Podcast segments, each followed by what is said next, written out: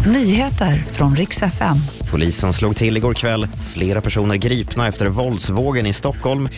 Och Kristerssons statssekreterare PM Nilsson lämnar sitt jobb. God morgon. Vi ska börja med att flera personer greps i ett stort tillslag igår kväll på tre orter i landet. I Sollentuna, Solna och Sundsvall slog polisen till och tog också knark och vapen i beslag.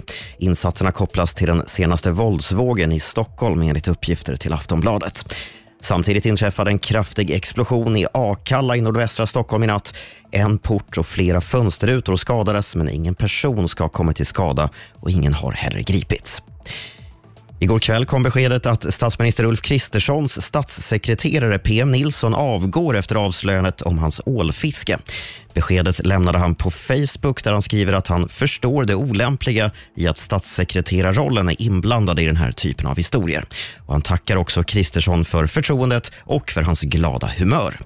Det var Sydöstran som avslöjade förra veckan att Nilsson dömts för att ha fiskat ål utan tillstånd och dessutom ljugit för både polisen och ansvarig myndighet. Och sist ska jag berätta att gruppen Panic at the Disco splittras efter 19 år tillsammans. Det skriver Billboard. Anledningen är att sångaren Brandon Jury ska bli pappa för första gången. Bandet gör sin sista spelning i Manchester i England i mars och sen är det alltså över. Och det var de senaste nyheterna. Jag heter Robin Kalmegård.